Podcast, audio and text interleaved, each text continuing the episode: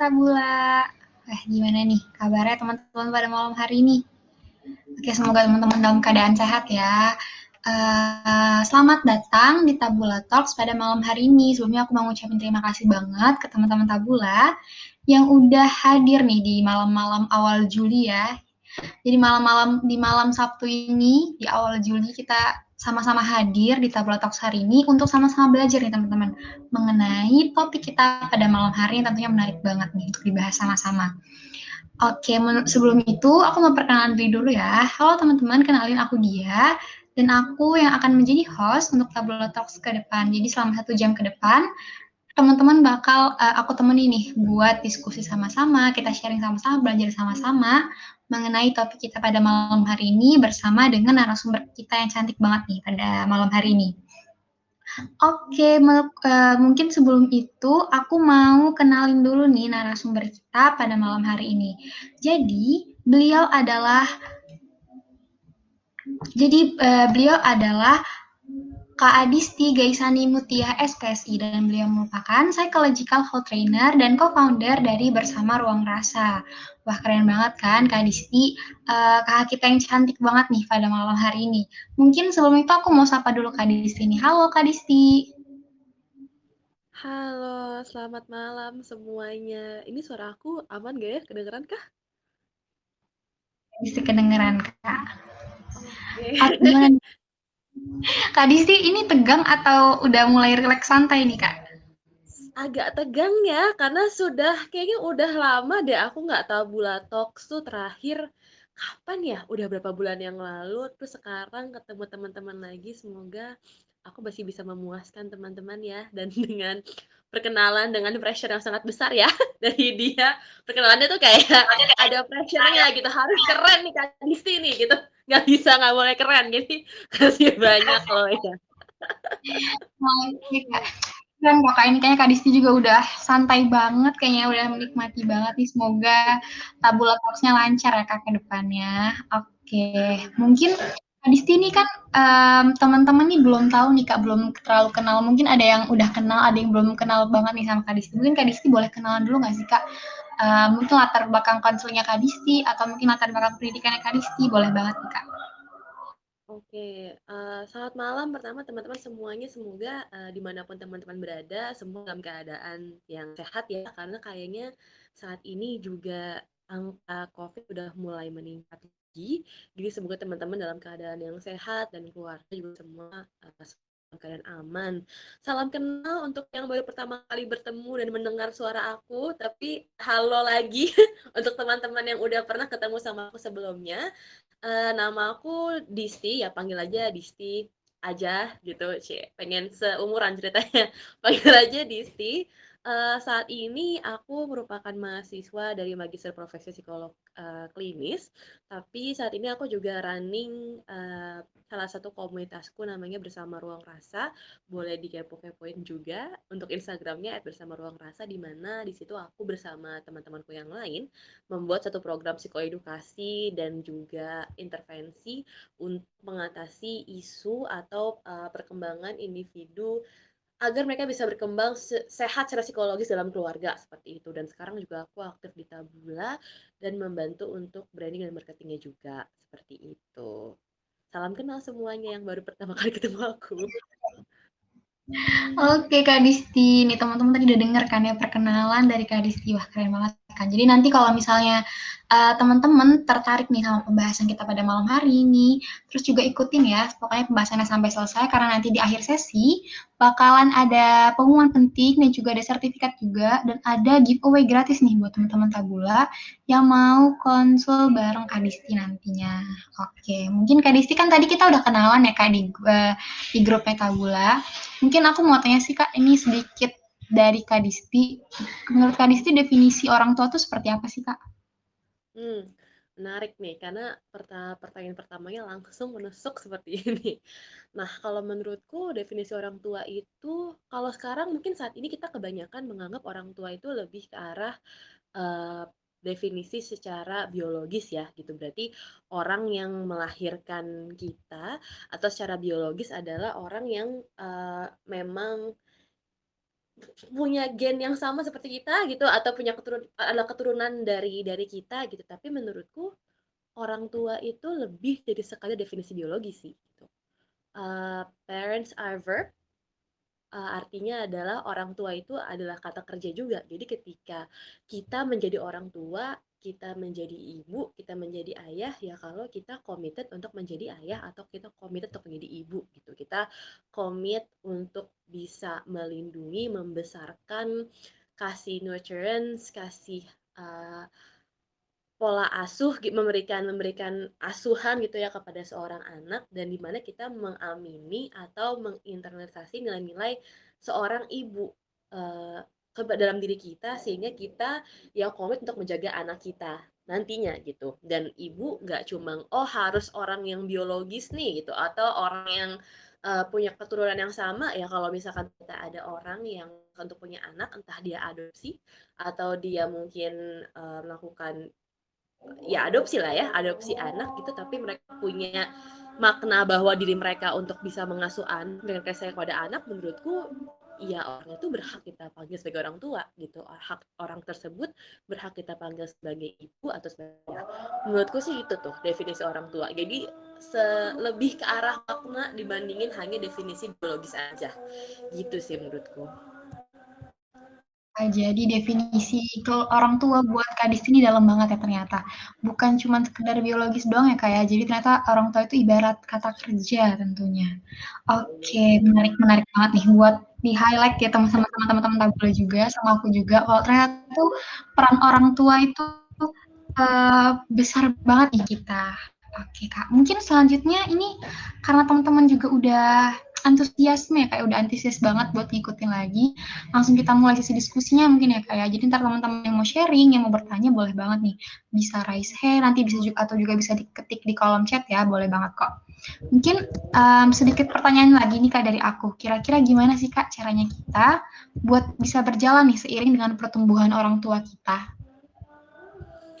Nah mungkin sebelum ke sana aku uh, cerita dulu kali ya yang namanya orang tua itu bertumbuh tuh seperti apa sih gitu. Karena lucunya adalah pas aku share tentang hal uh, share share tentang iklan broadcasting kalau misalkan aku melakukan tabula talks ini ada temenku yang bilang bahwa uh, kan judulnya tentang bertumbuh bersama orang tua gitu ya terus temenku itu ada yang reply uh, eh, DM aku terus nanya oh ini uh, webinarnya atau misalkan talksnya nanti bakal tentang kita ngejagain lansia ya gitu. Kita kita ngejagain orang tua kita yang udah lansia yang udah mungkin incapable uh, secara fisik gitu ya dis ya.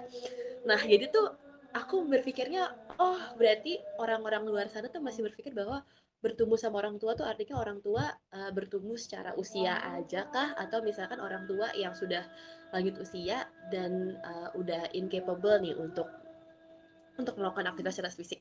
Nah, jadi mungkin sebelum ke sana gitu ya, kita coba sama-sama untuk memahami dulu orang tua tuh sebenarnya bertumbuh kayak gimana sih gitu. Mungkin kita ke sana dulu kali ya dia ya gitu. Jadi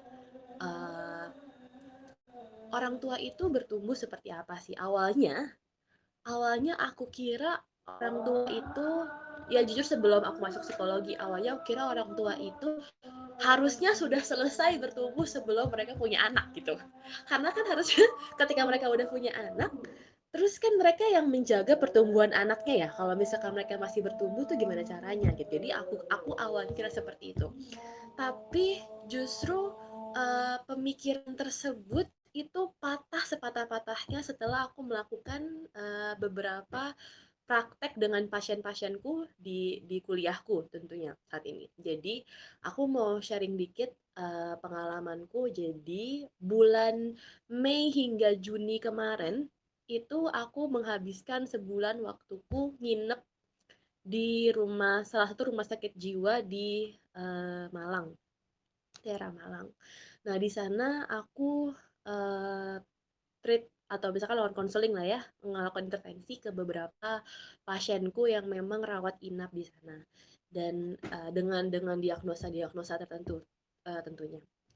Terus aku melihat nih dia dan teman-teman gitu ya bahwa dari masing-masing pasien aku semuanya, hampir semuanya itu permasalahannya adalah karena ibu gitu. Ya walaupun kita lagi ngomongin bertumbuh bersama orang tua ya, tapi mungkin di sini aku akan lebih banyak membahas soal ibu gitu.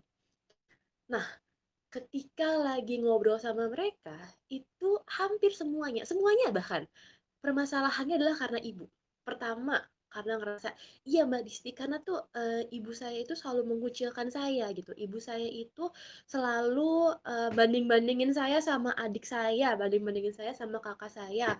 Ibu saya nggak ngasih uang, nggak ngasih warisan yang sama rata. Ibu saya dari kecil itu nggak pernah perhatiin saya. Ibu saya itu dari dari saya masa kanak-kanak udah bercerai dengan ayah saya, sehingga setelah itu ibu saya suka marah-marah sama saya, nggak pernah ngomong halus segala macamnya. Saat pertama kali aku me dihadapkan dengan permasalahan tersebut, di situ aku mengiyakan kata mereka, dalam arti bahwa, "Iya bener juga," gitu, nggak salah kalau misalkan si anak-anak ini, si pasien-pasienku ini akhirnya mendapatkan permasalahan seperti ini, karena tuanya mungkin seperti itu, gitu. Eee karena kan yang namanya anak-anak ya, ketika ketika kita dari kecil, kita mengenal dunia kita itu aman atau enggak, dunia itu sebenarnya bisa sayang atau enggak sama kita, dunia itu sebenarnya mencintai kita atau enggak, itu kan pasti dari ibu kita yang pertama kali atau ya orang tua kita, khususnya ibu kita. Untuk anak-anak balita khususnya, perasaan adalah fakta. Ya kalau misalkan mereka sedih, ya berarti sedih, berarti dunia itu jahat dan segala macamnya. Dan anak-anak pasti segampang itu untuk dia mengeneralisasi apa yang mereka dapat dari ibunya. Jadi kalau misalkan pasien-pasienku itu secara const constantly gitu mendapatkan perilaku yang gak enak dari ibunya, ya wajar kalau misalkan akhirnya uh, mereka jadi seperti ini atau punya permasalahan yang se-conflicting ini gitu, se, se separah ini di situ akhirnya aku ngelihat oh ternyata memang peran ibu tuh dibutuhkan sekali ya untuk uh, bisa buat anaknya bisa bertumbuh secara sehat, secara psikologis yang sehat kayak gitu. Ya bener juga ya ternyata memang kalau misalkan jadi ibu ya mungkin memang harus siap jadi ibu secara secara mental tuh. Karena kalau nggak siap secara mental anaknya akan jadi seperti ini mungkin gitu. Ini ini konteks parahnya gitu akan jadi seperti ini gitu.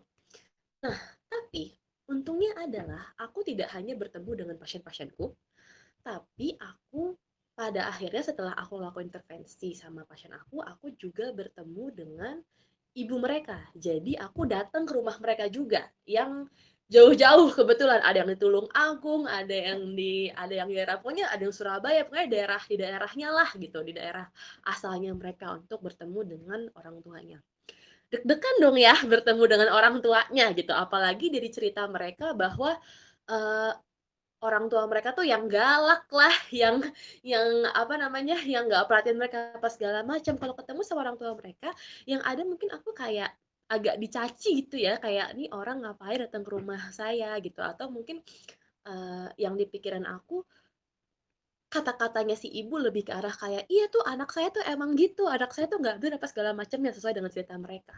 Gitu.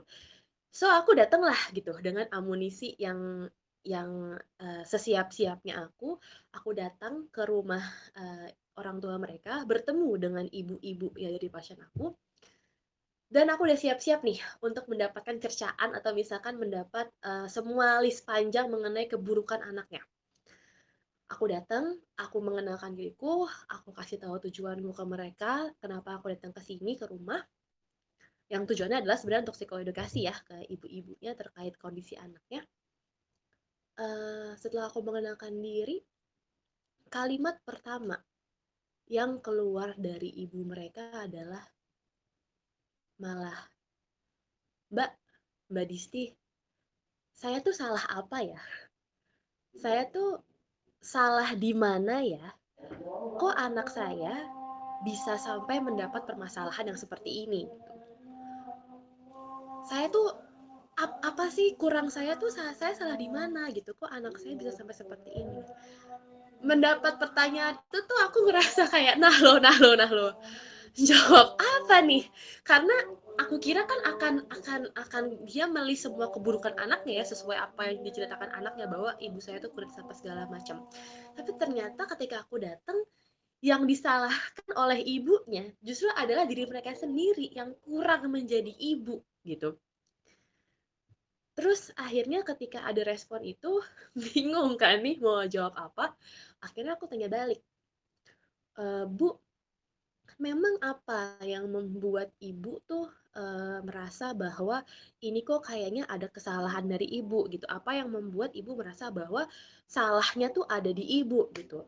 Terus akhirnya mereka jawab, eee, "Iya, karena tuh saya ngerasa saya udah kasih semuanya, Mbak," gitu. "Saya udah kasih uang, saya udah kasih mereka makan," gitu. "Saya udah, eee, jagain lah anak-anak saya, tapi kok kenapa kenapa tetap seperti ini? Apa saya yang salah ya? Saya cuma kasih materi doang, tapi saya nggak memberikan keamanan secara emosional," gitu.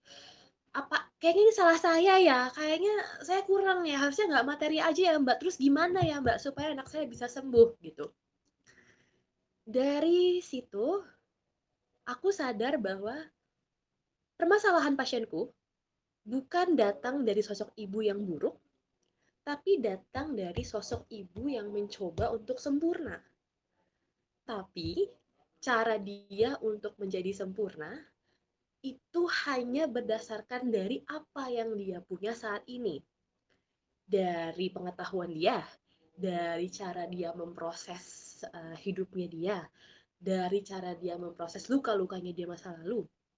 Cuma itu yang dia punya dan modal itu hanya dengan modal itu dia coba untuk jadi sempurna dengan caranya dia.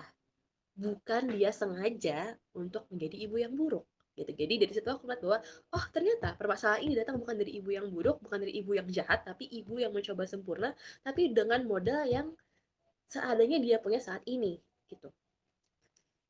Dan aku pun ingat bahwa tidak hanya para ibu pasien yang mengalami hal ini, tapi ibuku pun juga.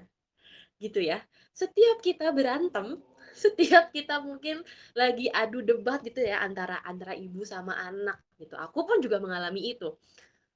Mamaku tuh selalu bilang, "Mama tuh salah di mana sih, Dis?" gitu. "Mama tuh mama tuh kurang di mana sih, Dis? Kok uh, sampai kayaknya kamu nggak percaya sama mama gitu sampai kok kayaknya kamu tetap melakukan hal seperti ini ternyata tuh sampai di usia ini gitu aku sekarang usia 26 tahun ibuku sama aku kalau misalkan ngobrol uh, ada cekcok lah ya gitu tetap mengatakan hal yang sama tetap menanyakan hal sama pasien-pasienku itu mungkin 30 tahun enggak ya 30 30-an akhir lah 30-an akhir atau enggak 20-an tengah ibunya masih menanyakan hal yang sama.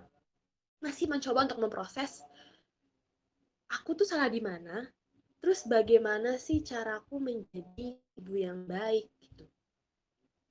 Dari situ aku menyadari bahwa oh ternyata ibu itu khususnya ibu ya, orang tua gitu khususnya ibu masih bertumbuh loh sama kita. Dia masih masih harus menjaga pertumbuhan psikologisnya, masih harus mencari makna dalam hidupnya akan ibu yang baik itu seperti apa. Walaupun saat ini dunia ini lagi nuntut dia untuk bisa menjaga pertumbuhan kita gitu, tapi dia sendiri ternyata belum selesai dengan pertumbuhan yang dia punya.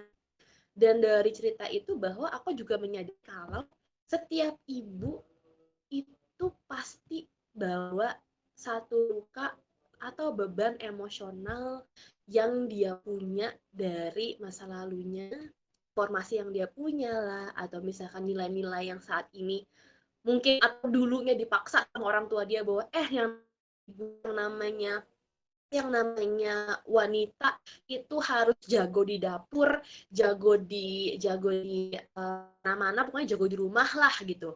Uh, jadi kamu harus seperti ini dan akhirnya ketika dia melihat anaknya dia mencoba untuk memberikan uh, pengasuhan terhadap anaknya, pasti nggak akan lepas dari bagaimana proses dia mempelajari atau menerima luka apa pun yang di masa lalunya.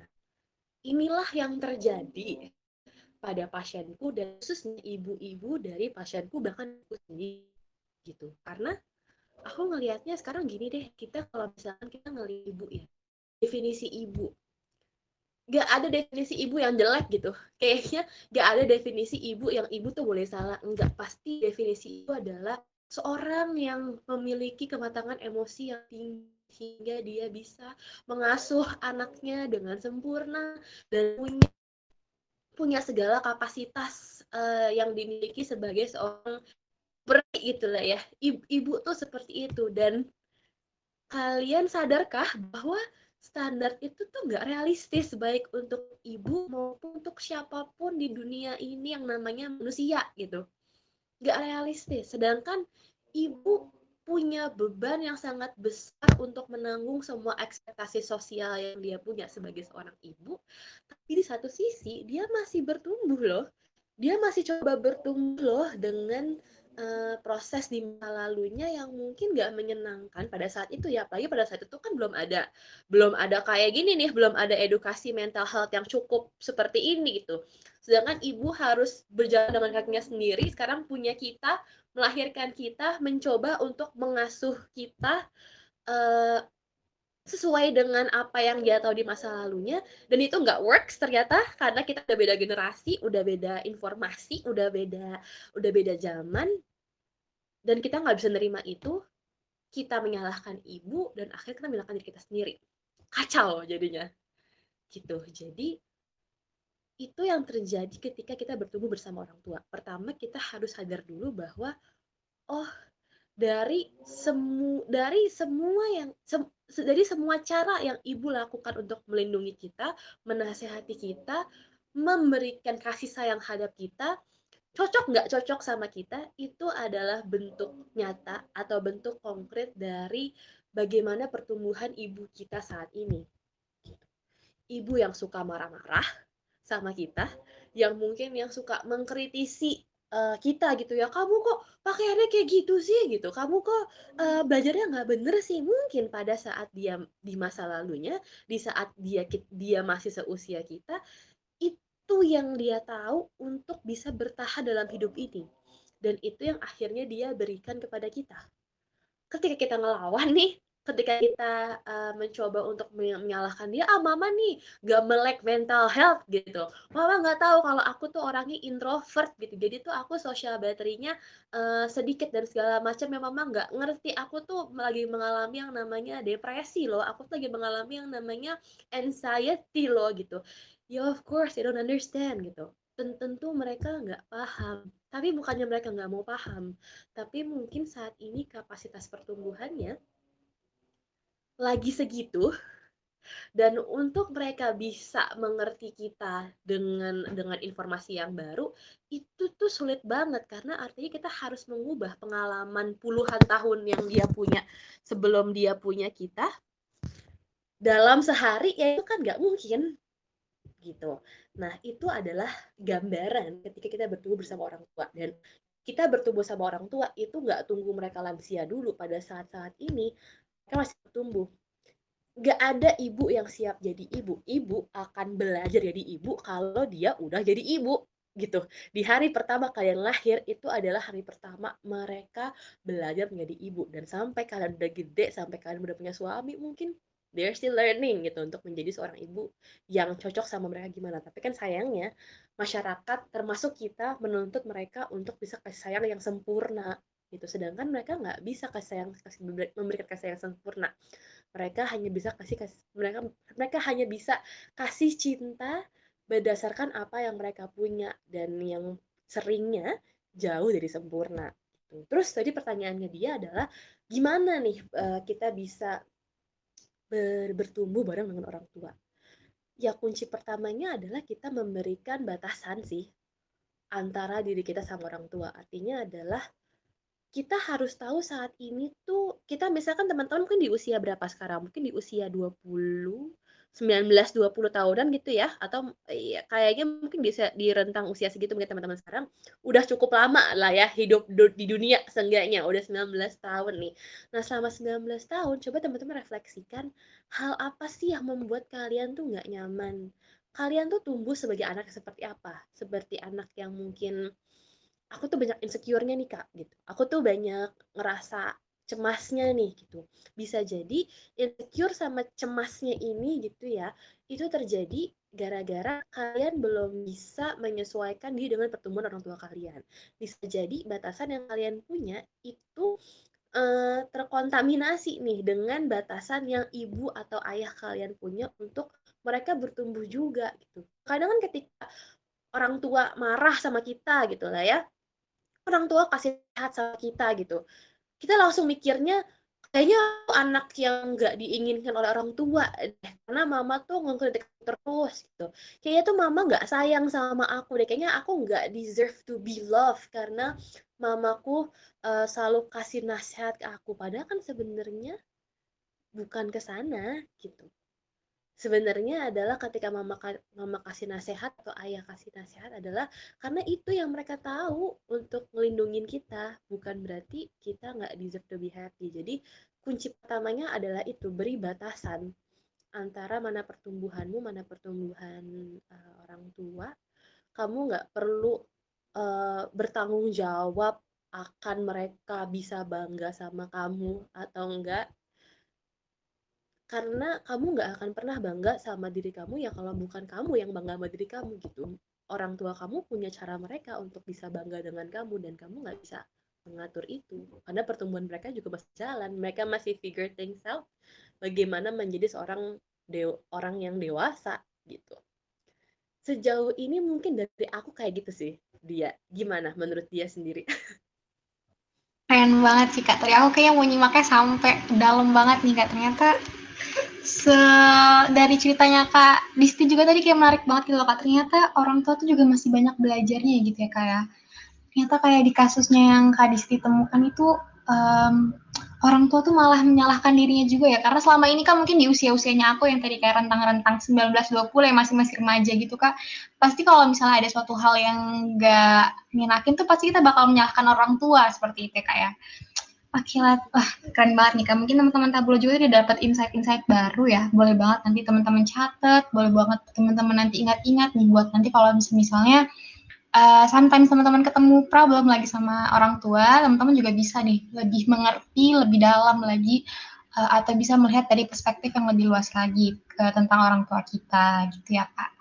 Oke mungkin lanjut nih Kak, aku mau tanya lagi nih Kak, gimana sih Kak cara kita buat mengenal kalau orang tua kita juga kalau masih bertumbuh gitu Kak? Karena menurut aku pribadi itu hal yang susah untuk dilihat kasat mata gitu Kak. Oke, nah menarik nih, karena kan tadi dia udah uh, mengulang kembali dari insight-nya bahwa kadang-kadang kita suka menyalahkan orang tua kita ya. Nah, kita bisa start dari itu sih, menurut kita bisa mulai dari itu. Karena sebenarnya ketika kita menyalahkan orang tua, ketika kita ya nyalahin mereka gitu ya itu adalah bentuk dari kedukaan kita. Karena ada rasa sayang yang kita harapkan tapi itu nggak kita dapatkan dari orang tua kita dan kita harus kehilangan. Karena gini dari kita kecil gitu lah ya dari kita sekolah kita tuh pasti udah dapet ide-ide atau pemahaman mengenai bahwa orang tua tuh sempurna gitu. Mama mama tuh orang yang ngomong, mama tuh orang yang kasih memberikan kasih sayang dari mata mata pelajaran apa? PPKN, ilmu sosial, apa pun segala macamnya dari kita kecil, dongeng-dongeng segala macamnya. Ibu tuh sebagai gambaran yang memberikan kasih sayang, uh, me me mengerti kita dan segala macamnya sehingga kita punya ekspektasi itu kan. Kita punya ekspektasi bahwa orang tua kok harusnya kayak gitu, kayak yang didongeng, kayak kayak ibu kandungnya si bawang putih gitu. Atau misalkan kayak ya siapalah tokoh-tokoh seorang ibu yang sering digambarkan di cerita-cerita gitu. Tapi di dunia nyata nggak seperti itu gitu. Nah ketika kita ngebandingin nih uh, ibu kita sama si sosok-sosok ini jadinya kita kan ngerasa bahwa oh yang ini aku nggak dapat dari orang tua aku yang ini aku dapat yang ini aku nggak dapat nih aku nggak dapat pokoknya kalau kalau misalkan setiap dimarahin sama mama berarti kasih sayangnya nggak dapat berarti aku nggak dapat kehangatan tertentu dari mama aku karena aku nggak bandingin sama uh, sama sosok-sosok ibu yang ad, yang pernah aku lihat. Ketika kita ngerasa kita nggak dapat kita kan ngerasa kehilangan ya.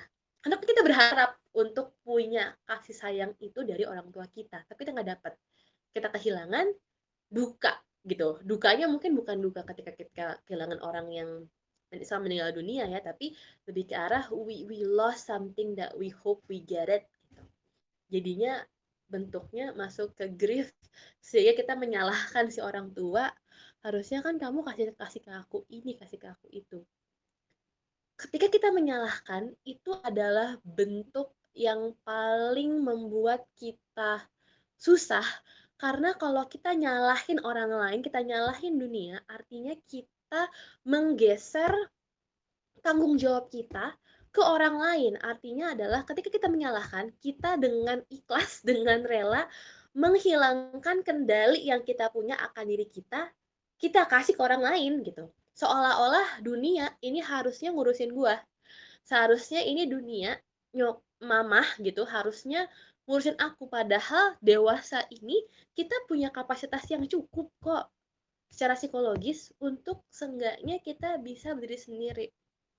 Kita nggak pernah berhenti untuk membutuhkan ibu sih sebenarnya.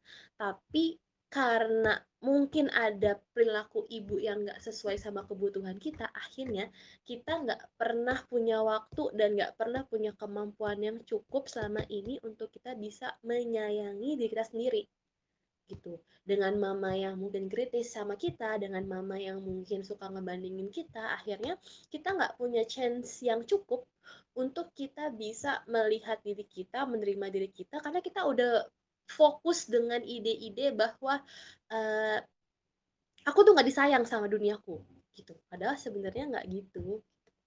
Nah bisa mulai dari situ sih. Apa sih sebenarnya saat ini yang kamu nggak uh, nyaman? Perilaku perilaku nggak nyaman apa yang mama lakukan terhadap kamu gitu? Perilaku apa yang kamu nggak suka dari mama kamu? Tuh kumpulin tuh list down.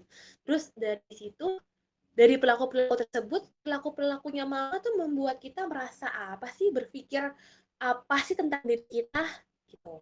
List down lagi. Nah, semua pemahaman-pemahaman itu, semua pemikiran-pemikiran terkait kita karena perilaku ibu kita, sejauh mana sih ini beneran emang kayak gitu, gitu pemikirannya? Gitu. Sejauh mana sih emang seperti itu, gitu. Misalkan mama aku mengkritisi, mengkritisi aku terus akhirnya aku punya ide bahwa I'm not good enough as a daughter, as a son gitu. Aku nggak cukup baik untuk orang tuaku. Bener nggak sih kayak gitu? Uh, enggak kok, ternyata tuh, uh, ternyata mungkin ini caranya mama untuk melihat dunianya seperti itu, dan aku punya kemampuan lain yang nggak harus sesuai sama apa yang mama mau sebenarnya gitu. Nah, dari situ akhirnya kan kamu ngelihat gap ya, apa yang sebenarnya kamu mau sama apa yang mama kamu mau. Nah, ketika kamu bisa melihat bahwa oh ini yang mama mau. Apa sih yang membuat mama tuh mau seperti ini? Oh, karena dulu pas mama masih sama nenek, masih sama kakek, mama tuh ditreat seperti ini. Akhirnya dia punya pemahaman seperti ini. Nah, dari situ kita bisa tahu tuh. Ternyata mama masih memproses nilai-nilai yang dia punya masih memegang teguh nilai-nilai yang dia punya karena konsekuensinya seperti ini. Nah, dari situ kita bisa ngedetect sejauh mana pertumbuhan mama atau papa saat ini gitu. Dari dari pemahamannya dia, khususnya pemahaman-pemahaman yang clash nih sama kamu. Biasanya itu dapat banget tuh. Tuh akhirnya kita bisa detect gitu.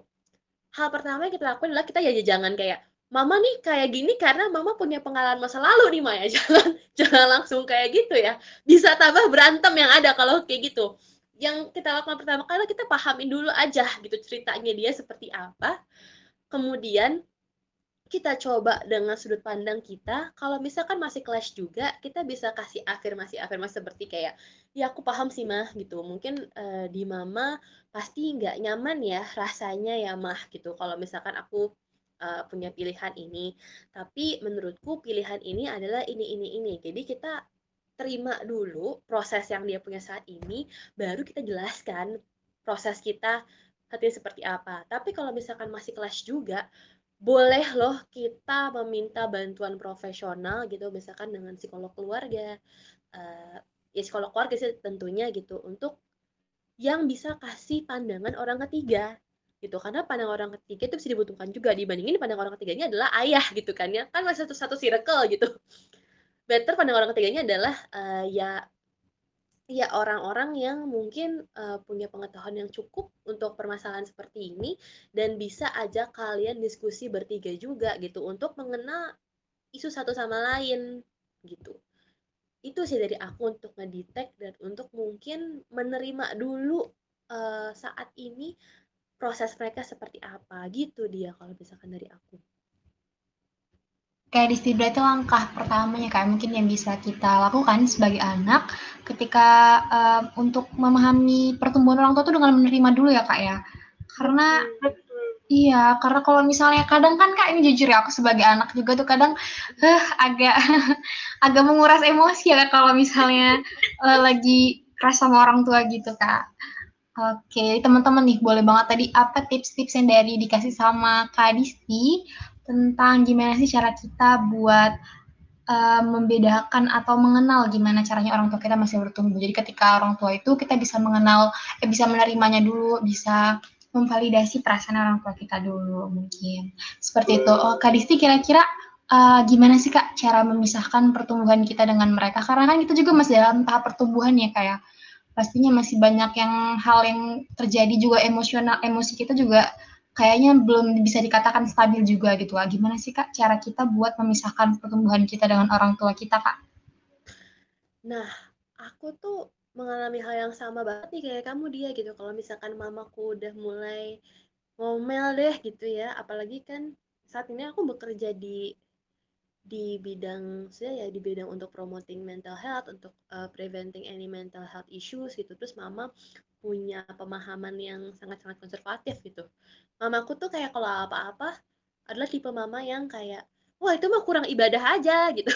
Kurang kurang doa aja kayak aduh mama gitu. Kalau misalkan itu doang aku capek-capek sekolah coba buat begitu doang jawabannya gitu. Kadang-kadang suka kesel juga gitu Nah, pertama kita harus aware dulu bah aware dulu sama emosi kita gitu.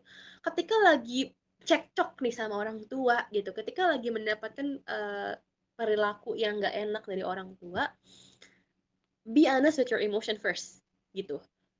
Instead of blaming atau kayak marah ke mama, tapi aware dulu sama perasaan yang dirasakan saat ini ketika mama kritisi aku, ketika mama marah sama aku, ketika mama nggak suka sama pilihan aku, perasaan yang pertama kali muncul tuh apa sih dalam diri kita? Marah, sedih, kecewa, langsung nggak suka sama diri kita atau apa pun, deal sama emosinya dulu. Kalau misalkan memang emosinya lagi gede banget, kasih waktu untuk diri sendiri untuk memprosesnya. Jangan langsung nge-counter mama, karena nggak ada gunanya.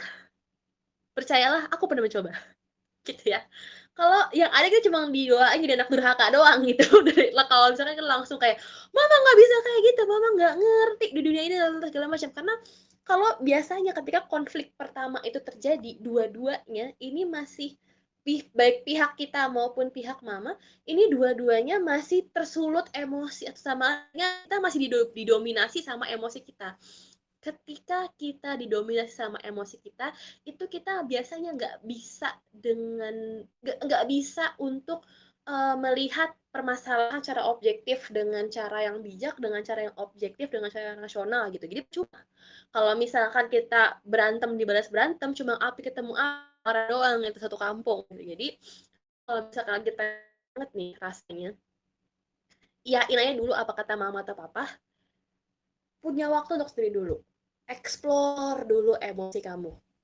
Kalau mau mau marah, nggak apa-apa marah dulu, tapi sama diri sendiri dulu gitu, sendiri dulu gitu. Kalau misalkan selama ini kamu marah, terus nggak tahu mau tuangin di mana, bisa tulis di kertas, bisa kamu rekam uh, diri kamu sendiri, ya tapi jangan dipublish ke siapa-siapa ya gitu. Ini untuk diri kamu aja, untuk ngelepasin energi kamu aja, daripada energi kamu dipakai untuk nyerang mama, kadang ada gunanya dia juga akan nyerang kamu balik karena dia masih di proses yang saat ini kok. Gitu. Dia masih berproses juga kok untuk memahami kamu tuh maunya apa. Gitu.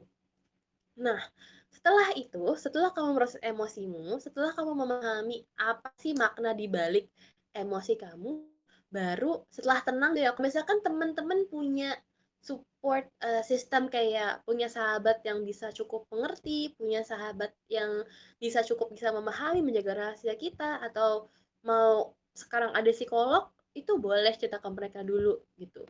Gitu.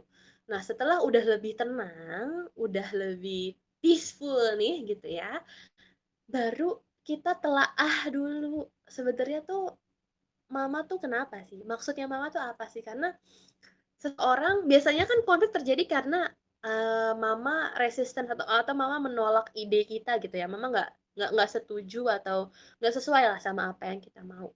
Biasanya itu bisa penolakan terjadi karena tiga aspek. Pertama informasi, kedua emosi, ketiga adalah uh, practical issues atau uh, seberapa tentang kepraktisan dari informasi yang mereka dapat. Yang pertama adalah informasi, aspek informasi. Penolakan terjadi karena mungkin informasi yang mama kamu punya sama yang kamu punya itu nggak nggak match atau misalkan nggak nggak match, nggak match sih, tapi lebih ke arah kamu mama kamu nggak tahu informasi yang coba kamu sampaikan ke dia. Misalkan kayak gini lah, uh, kamu pengen masuk ke jurusan musik gitu ya, masuk jurusan musik. Tapi menurut mama kamu, jurusan itu kayaknya nggak ada duitnya deh. Kayaknya nih dokter aja gitu kan. Tapi kan mungkin karena karena informasi yang dia punya zaman bahla itu tuh platform tuh nggak se nggak secanggih sekarang gitu yang orang-orang bisa bekerja dengan cara apa pun nggak harus jadi dokter dulu nggak harus PNS dulu gitu kan itu ada missing informasi ya gitu. Nah, itu informasi. Aspek kedua ada emosi. Nah, ini aspek yang paling susah di antara semua aspek karena emosi ini udah mencakup nilai, udah mencakup pemahaman dia yang dia pegang selama 30-40-an tahun. Terus kamu coba untuk hancurkan karena keinginan kamu. Ini nih yang butuh uh, penerimaan dari kamu, butuh untuk kayak diiyain dulu segala macemnya penerimaan tuh bukan berarti kamu membenarkan apa yang mama kamu sampaikan kamu. Artinya adalah penerimaan itu lebih ke arah kamu meng-acknowledge atau seenggaknya me, me, me, menerima kenyataan bahwa saat ini mungkin mama kamu sama kamu pandangannya beda. Nah itu nggak apa-apa, kamu nggak harus membenarkan, tapi men menerima kalau itu tuh ada dulu. Karena kalau misalnya kamu tolak, ya gimana, itu kan bagian dari diri mama kamu gitu. Kalau misalnya kamu tolak, artinya kamu juga menolak dia untuk menjadi dirinya apa adanya. Tapi kamu belum berarti membenarkan, se, se bahwa kita beda. Udah itu dulu deh, yang penting. Nanti setelahnya, baru lama-kelamaan kamu bisa memahami untuk me luluhkan emosinya. Biasanya sih memang hal ini butuh orang ketiga biasanya, khususnya ke psikolog gitu. Apalagi kalau misalkan proses yang dia hadapi saat ini tuh masih panjang untuk dia bisa menerima masa lalunya gitu. Nah, aspek yang ketiga adalah aspek praktisnya nih. Seberapa praktisi uh, pendapat atau keinginan yang kamu mau sampaikan ke mama kamu. Informasinya udah oke, udah sama nih. Nilainya udah cocok. Nah, praktis nih, misalkan aku pengen sekolah musik nih, mah gitu. Mama kamu udah oke okay, udah ngerti. Terus nggak uh, apa-apa kalau misalnya mau sekolah musik karena udah paham bahwa uh, ya nggak apa-apa nggak nggak me, nggak menyerang nilai apa pun tapi nggak ada biaya misalkan. Nggak jauh dari rumah atau segala macamnya nggak ada biaya misalnya seperti itu ya.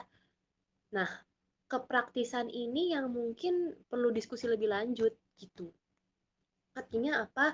Ya mungkin bisa kamu bisa tawarkan dengan beasiswa atau misalkan nih, misalkan ya, uh, ternyata nggak bisa dilakuin sekarang juga. Rencana tuh bisa kita postpone kok sebenarnya, walaupun nggak enak.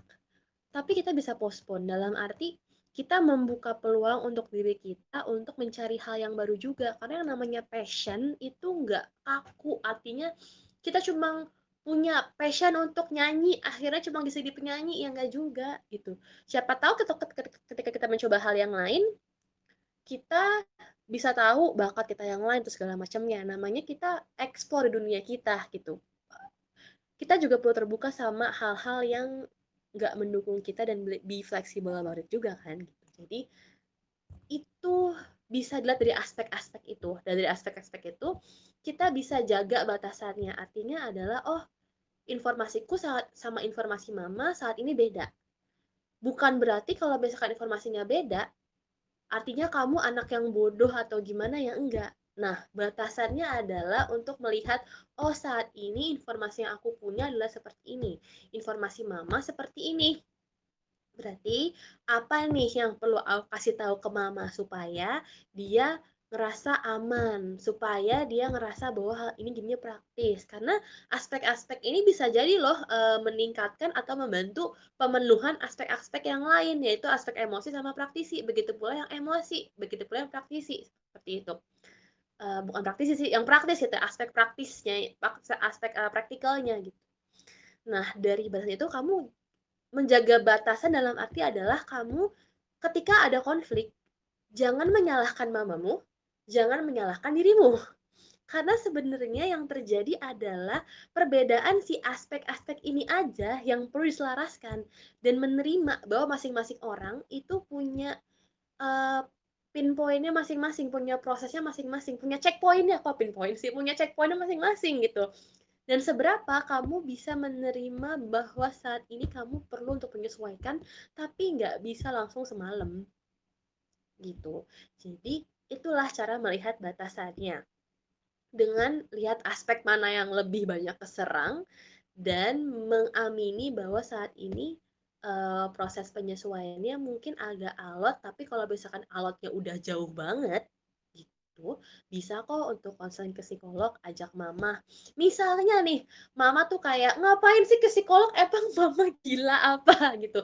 Kenapa kita nggak berdoa aja? Gitu. Kenapa kita nggak uh, ke ke apalah ya yang kadang-kadang kan mama-mama suka kayak gitu ya kalau ke psikolog tuh udah pasti pikirannya gila atau segala macam padahal kan sebenarnya enggak. Nah pelan-pelan kasih informasinya juga bisa gitu pelan-pelan uh, kasih pemahamannya juga bisa. Tapi kita iyain dulu aja gitu karena dengan kita mengiyakan itu kita udah kasih batasan kok tentang prosesnya dia sama proses kita. Mengiyakan bukan membenarkan ya mengiyakan dalam arti ma aku ngerti saat ini mama ngerasain ini. Ma aku paham sih saat ini mama nggak nyaman. Nah tapi kalau misalnya aku baca kayak gini mah gitu. Jadi itu cara jaga batasannya. Karena kita juga capek gitu untuk memaksa diri kita menjadi anak yang baik supaya dapat orang tua. Karena kan kita sukanya dengar gitu ya kayak ya kamu sih nggak jadi anak yang nurut. Kamu sih anak durhaka. Kamu sih anak yang nggak nggak baik. Jadinya kamu nggak dapat kasih sayang yang cukup. Wah nggak gitu. Gitu karena masing-masing si mama si anak punya prosesnya masing-masing dan kesalahan dan dan dan apabila kamu nggak mendapatkan kasih yang kamu harapkan itu kesalahannya bukan di siapa-siapa, tapi prosesnya yang memang saat ini masih stuck di situ dan semua orang butuh waktu. Itu sih menurutku. Oke Kak Disti, aku sampai speechless sih Kak mau menanggapi apa, soalnya keren banget nih Kak, soalnya kayak untuk aku pribadi juga yang masih belajar ini kayak membantu banget ya. Semoga teman-teman tabula tadi yang udah mendengarkan insight-insight baru dari Kadisti, tips-tips baru dari Kadisti, pokoknya bisa uh, bermanfaat buat teman-teman dan nanti kalau misalnya bisa diaplikasikan langsung nih uh, ketika berinteraksi sama orang tua kita. Jadi kita bisa memahami orang tua kita lebih dalam, kita juga bisa memahami diri kita lebih dalam lagi. Oke, mungkin Kadisti ini kita langsung ke sesi pertanyaan atau sharing bisa nih Kak ya? Boleh, boleh, boleh. boleh. Oke Kak, mungkin teman-teman tabula yang mau bertanya boleh banget nih. Mau raise hand atau mau sharing boleh banget. Uh, bisa langsung uh, raise hand aja ataupun mau ketik di kolom chat boleh banget nanti aku bacain loh teman-teman. Oke, mungkin ini um, aku sambil nunggu teman-teman ya Kak, mau coba tanya-tanya juga ke Kadis ke Kadisti nih Kak. Kak jadi kan um, semisal dulu itu kayak aku pernah nih Kak pengen uh, sekolah di uh, sekolah A gitu, tapi orang tua aku nih nggak setuju Kak, orang tua aku pengennya aku sekolah di B, akhirnya aku memberontak dan akhirnya aku pilih sekolah yang jauh banget dari rumah aku gitu Kak, itu kayak sampai beda tiga pulau dari rumahku. Nah, akhirnya orang tua aku tuh setelah itu kayak merasa percuma begitu Kak, kayak ngatur anak karena anaknya selalu memberontak gitu Kak. Nah, kira-kira hal yang aku lakuin itu salah nggak sih kak? Atau aku sebagai anak itu apa yang bisa aku lakuin biar orang tua aku tuh mungkin um, bisa lebih open dan juga bisa lebih apa ya kayak lebih mengerti apa yang kurasain gitu kak. Karena menurut aku ya akhirnya setelah itu kayak orang tua aku tuh nggak pernah mengarahkan apa pun kak di selama perjalanannya aku gitu kak. Nah, oke. Okay ketika gesekan terjadi, sebenarnya langkah pertama adalah balik lagi sih ketiga aspek itu. Ketika mama nggak setuju, ini aspek mana ya yang keserang ya? Aspek informasi, aspek uh, emosi, atau yang sifatnya praktikal nih, gitu. Mama nih nggak pengen aku sekolah di tempat tertentu karena mama nggak tahu, menau mengenai informasi lengkap akan sekolah ini, atau dengan aku sekolah di sini bisa merusak atau melanggar nilai yang dia punya, entah nilai agama, entah prinsip pribadi dia, atau mungkin jadinya menurut mama aku nggak memungkinkan sekolah di sini, yang mana ya? Gitu. Nah, itu sebenarnya kita bisa lihat di situ dulu. Tapi kalau misalkan saat ini kan dia bilang bahwa aku udah terlanjur ngebrontak nih Kak sama mama karena aku udah keras keras kepala. Sekarang mama jadi bodoh amat mungkin gitu kesannya uh, membiarkan aku untuk uh, membiarkan aku untuk menjalani uh, pilihanku.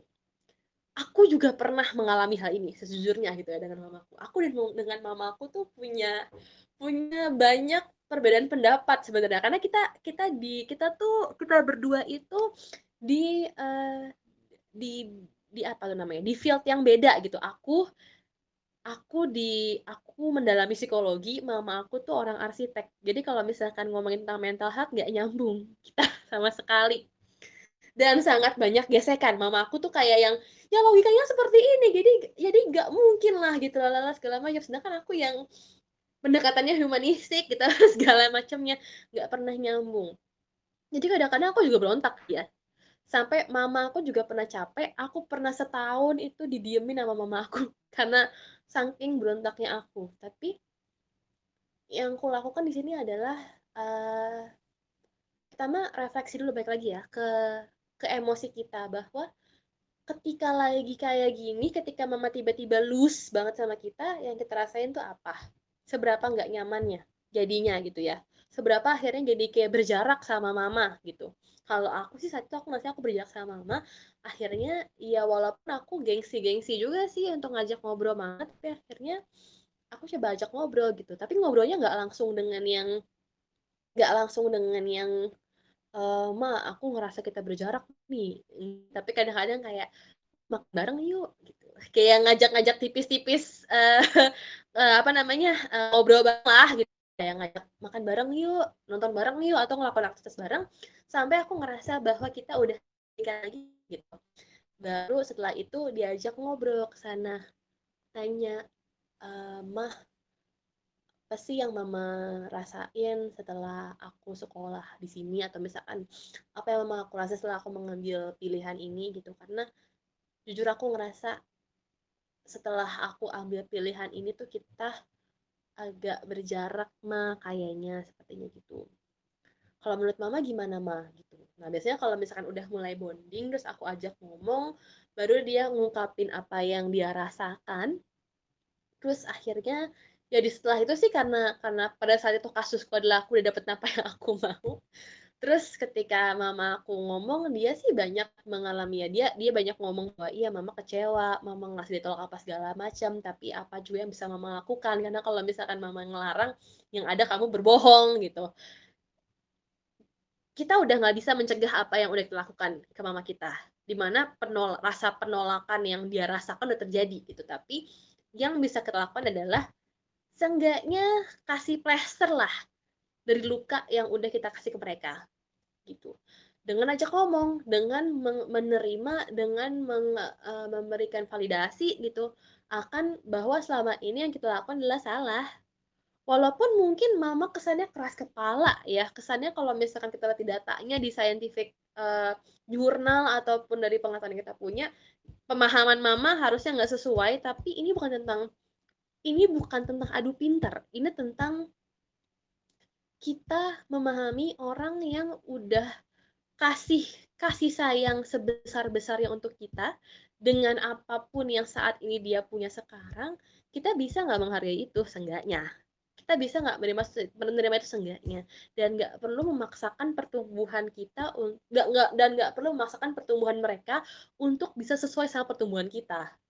Gitu. Jadi sekarang ketika sudah terlanjur mungkin hal yang tidak baiknya nih karena aku pun juga melakukan hal itu gitu. Jadi eh, hal itu adalah ya ajak ngobrol sih, ajak ngobrol dan seenggaknya meminta maaf dan mengiyakan bahwa oh iya hal ini kayaknya kita jadinya kurang tepat ya gitu. Tapi keuntungannya adalah ketika kita udah menjalani hal itu kita bisa kasih bukti-bukti sih kayak tapi uh, alhamdulillah ya mah gitu karena setelah sekolah di sini aku ternyata aman-aman aja dan aku ngerasa uh, ini hal yang berarti untuk untuk aku. Walaupun mungkin saat itu gak nyaman buat mama tapi aku baik-baik aja kok mah gitu. Itu juga bisa sih dikasih kasih seperti itu jadi kayak tetap tetap meliputi dan menyentuh aspek-aspek yang awalnya membuat dia menolak sehingga seenggaknya banget dia ngerasa bahwa anaknya ngeh kalau misalkan dia nih nggak suka atau dia mencoba menekan atau mengalah sama perasaannya dia, seenggaknya kita acknowledge itu dulu gitu.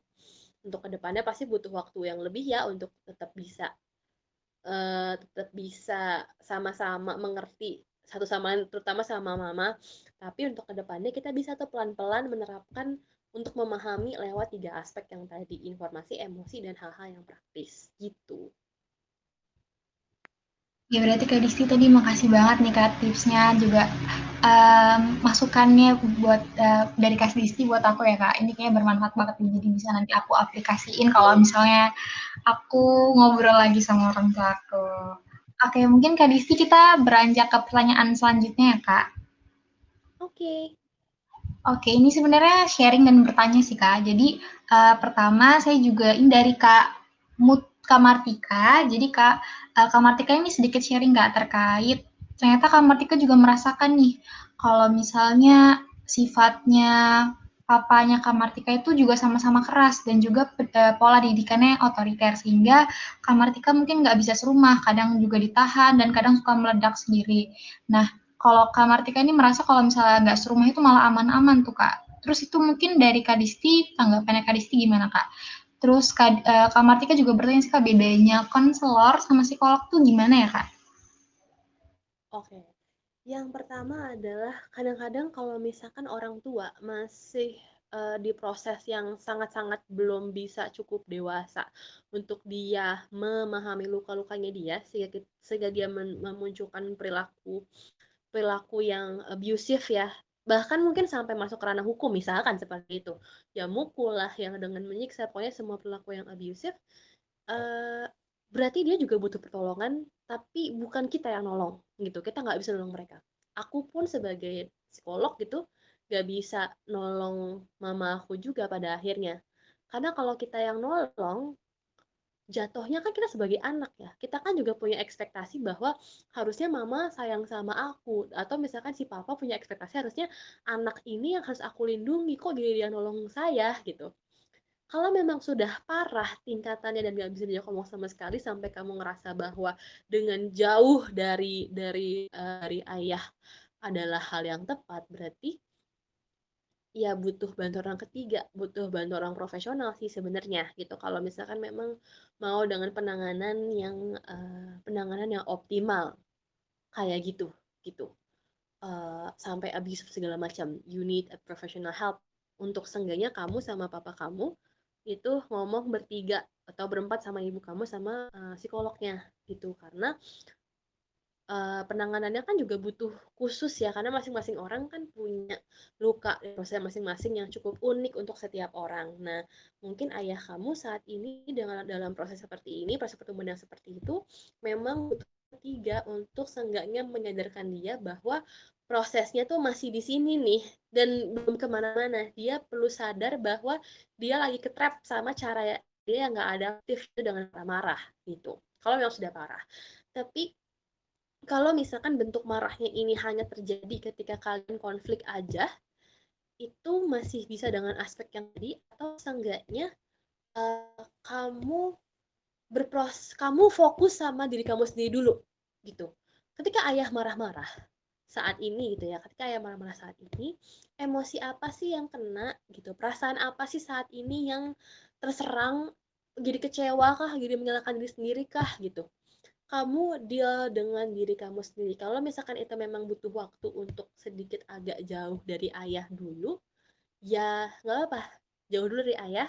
Tapi ketika jauh dari ayah, jangan terperangkap dengan pemikiran bahwa ayah nih jahat atau segala macamnya. Tapi ketika lagi jauh dari ayah, gunakan ruang tersebut untuk kita berproses dengan emosi kita. Kalau kamu ke psikolog, mau ke, ke, ke konselor, boleh untuk membantu kamu. Seenggaknya kamu uh, tolong diri kamu sendiri juga gitu untuk melihat ketika Pak Ayah marah tuh kena di akunya di mana sih gitu karena kalau misalkan nggak nggak tahu hal itu dulu proses setelahnya kamu akan banyak menyalahkan diri kamu kalau misalkan kamu nggak tahu keserang emosi di dalam diri kamu seperti apa jadi fokus ke diri kamu dulu aja baru ke ayah. Tapi kalau misalkan ayah ada momen di mana uh, dia nggak marah-marah gitu, lagi santai aja, bisa sih diajak ngobrol atau misalkan ngelakuin aktivitas yang aktivitas yang apa ya, aktivitas yang netral lah gitu. Karena bisa jadi kan dia marah-marah ketika kurang bonding dengan kamu kah atau gimana gitu. Jadi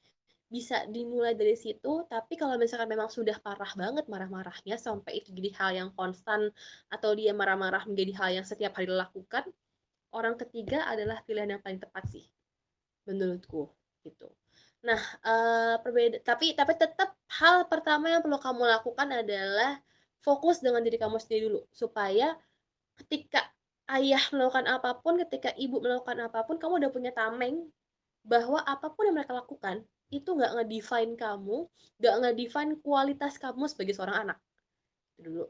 Nah, tadi perbedaannya psikolog sama konselor. Kalau dua-duanya sebenarnya sama-sama membantu kita gitu ya untuk uh, bisa tahu nih pola pola kita saat ini dalam dalam kita menghadapi tuntutan sosial kita seperti apa, sejauh mana proses kematangan psikologis kita. Cuman kalau misalkan psikolog, khususnya di Indonesia adalah orang-orang yang sudah punya sertifikasi, sudah punya license yang yang yang educate gitu ya untuk sebagai psikolog klinis ataupun sebagai seorang psikolog yang bisa mungkin membantu kita dalam melakukan diagnosa juga uh, untuk kita gitu. Bisa membantu kita dan bisa lebih dalam gitu untuk melihat pola-pola atau akar permasalahan yang kita punya gitu. Itu psikolog. Tapi kalau teman-teman konselor adalah latar belakangnya dia nggak punya license sebagai psikolog tapi dia sudah terlatih untuk memberikan penanganan-penanganan untuk mengatasi mental health issues gitu. Tapi apakah dia bisa diagnosa? Enggak sejauh psikolog sih, tapi dia bisa kasih kamu saran-saran praktis untuk permasalahan-permasalahan kamu. Biasanya seperti itu. Tapi keduanya sih sebenarnya punya tujuan yang sama. Cuma latar belakangnya aja yang beda. Kalau misalkan konselor, dia fokusnya uh, dia pengalamannya adalah dengan training atau punya punya kualitas di mana dia punya ya punya kualitas untuk bisa memberikan hal-hal preventif lah ya atau untuk untuk mengatasi mental health issue. Tapi kalau misalkan psikolog dengan dengan license yang juga udah lebih bukan ed, lebih educate sih dengan license yang educate as, as psychologist gitu lebih bisa untuk melihat akar-akar dari permasalahan kamu dan bisa melakukan dia dan punya kewenangan sih untuk melakukan diagnosa juga. Tapi pun konselor juga bisa melakukan juga bisa melihat akar-akar dari permasalahan kamu sih. Cuman mungkin teman-teman yang konselor itu lebih banyak membantu kamu untuk hal-hal yang praktikalnya. Sedangkan kalau teman-teman uh, dari uh, psikolog itu yang lebih dalam untuk melihat sebenarnya nih isunya dari mana karena uh, orang-orang yang psikolog itu juga bisa melakukan terapi-terapi tertentu dan dan memang sudah secara sah juga untuk melakukan terapi tertentu. Tergantung saat ini kebutuhan kamu di mana. Kalau misalkan kamu udah lebih ke arah pengen punya teman curhat atau misalkan mau cari saran yang praktis bisa ke konselor. Tapi kalau kamu ngerasa kamu bener-bener buta nih sama permasalahan kamu itu bisa ke psikolog dulu terus baru ke konselor. Jadi bisa fleksibel itu kok. Itu perbedaannya lebih ke arah license sama latar belakang pendidikan yang mereka punya gitu. Ah, terima kasih Kak Disti sudah menjawab uh, dengan sangat baik. Semoga untuk kamar uh, Martika pertanyaan tadi sudah menjawab ya. Oke Kak Disti, mungkin karena ini uh, sudah lewat jam 8 juga, seharusnya kita tabel sudah selesai. Mungkin nanti uh, pertanyaan selanjutnya bisa kita lanjutkan di kolom diskusi ya Kak, selama 30 menit sampai jam 20.30. Oke, mungkin dari Kak Disti sendiri ada nggak sih Kak closing statement nih buat mengakhiri Tabula Talks kita yang keren banget nih malam hari ini? Closing statementku adalah intinya setiap ibu, setiap ayah itu pasti memberikan kasih sayang kepada kita sebaik-baik yang mereka bisa, tapi kita harus tahu bahwa kasih sayang yang mereka kasih ke kita itu hanya berdasarkan apa yang mereka punya. Mereka nggak bisa kasih sesuatu yang mereka nggak punya. Jadi nggak perlu memaksakan pertumbuhan mereka untuk sesuai dengan pertumbuhan kita. dan belajar juga untuk bisa memahami bahwa ibu kapan pun dia saat di mana pun dia begitu juga dengan ayah masih belajar untuk menjadi ibu dan ayah dengan cara mereka masing-masing jadi kita harus berhenti untuk menormalisasi bahwa standar ibu dan ayah harus sempurna sih menurutku. Mereka bisa jadi ibu dan ayah secukupnya dengan proses yang mereka punya masing-masing. Itu dari aku. Oke, keren banget nih closing statement dari Kak Disti untuk menutup tabula talks pada malam hari ini. Terima kasih Kak Disti atas sharing-sharing dan juga tadi ilmu-ilmu insight baru yang sama-sama aku dan teman-teman tabula dapat ini dari diskusi kita pada malam hari ini. Oke, mungkin sebelum tabula talks-nya aku akhiri, aku mau bacain beberapa pengumuman penting untuk teman-teman tabula. Jadi, tabula punya uh, layanan untuk konselor ke profesional jadi teman-teman tabula yang mau coba untuk konseling boleh banget nanti di kepo ini informasi mengenai layanan konseling uh, konseling bersama konselor asosiat tabula nanti pengumuman lebih lanjutnya juga akan aku taruh di kolom diskusi ya teman-teman dan aku mau bacain untuk instruksi giveaway jadi dua pemenang akan mendapatkan free sesi konseling bersama dengan Kak Disti selama 45 menit. Nah, gimana sih caranya buat dapetin uh, free sesi konselingnya? Yaitu yang pertama, teman-teman bisa follow akun etabel.id di Instagram, kemudian post in, di Instastory kamu manfaat yang didapat selama mengikuti Tabula Talks.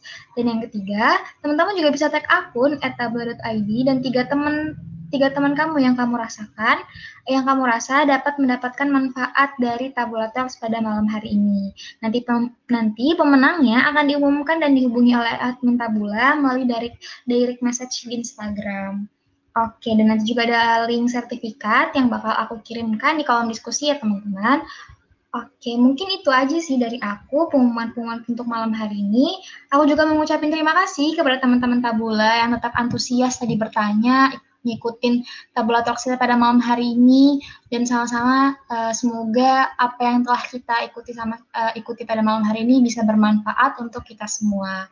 Oke, mungkin aku bisa akhiri Tabula Talks pada malam hari ini. Terima kasih teman-teman. Sampai jumpa di Tabula Talks berikutnya. Selamat malam. Selamat malam teman-teman semuanya. Thank you dia.